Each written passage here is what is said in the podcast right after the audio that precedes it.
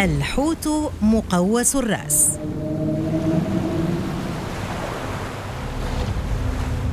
هذا الحوت مميز جدا بسبب أن رأسه مقوس بشكل مقلوب من جهة فكه العلوي.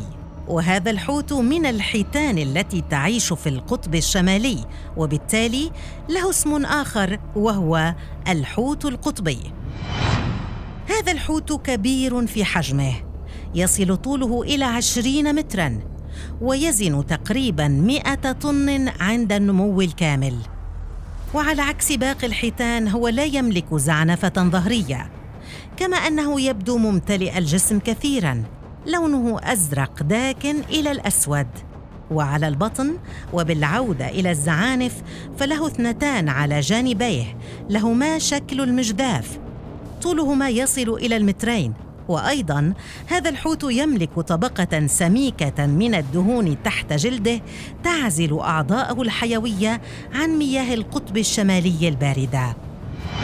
وبسبب شكل رأس هذا الحوت فهو يستطيع أن يخترق طبقة سميكة من الجليد إلى السطح.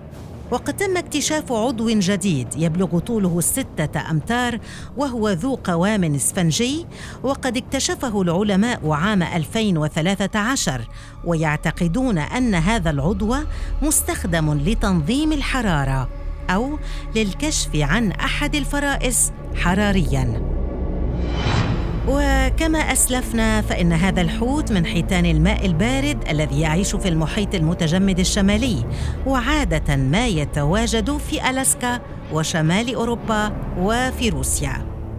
وهذا الحوت هو من الحيتان البالينية لا يملك الأسنان بل يقوم بالتغذي بطريقة البلع وتصفية الغذاء من الماء. وبسبب حجم رأس هذا الحوت الهائل فإنه يمتلك القدرة على إدخال ما يقارب طنين ونصف الطن من الغذاء يوميا والذي يتنوع بين الأسماك الصغيرة والقشريات وبعض أنواع الحبار. عادة ما يتكاثر هذا الحوت أواخر الربيع وأوائل الصيف. وبعد التزاوج تأتي فترة الحمل التي تصل إلى 13 شهرا وتضع الأنثى مولودا واحدا فقط في كل حمل وهذا المولود في بداية حياته يصل وزنه إلى الطن أو طن ونصف ويبقى معتمدا على أمه في الرضاعة عاما كاملا.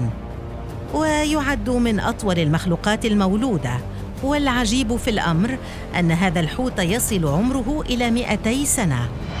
هذا الحوت من الحيتان المهددة بالانقراض بشكل وسطي فعددها كبير ولكن ومع ذلك يبقى عرضة للصيد التجاري حيث يستخدمه الناس في الغذاء وحتى السلع المنزلية والبناء. وعليه تم إصدار الكثير من القوانين التي تحد من صيده بكثرة.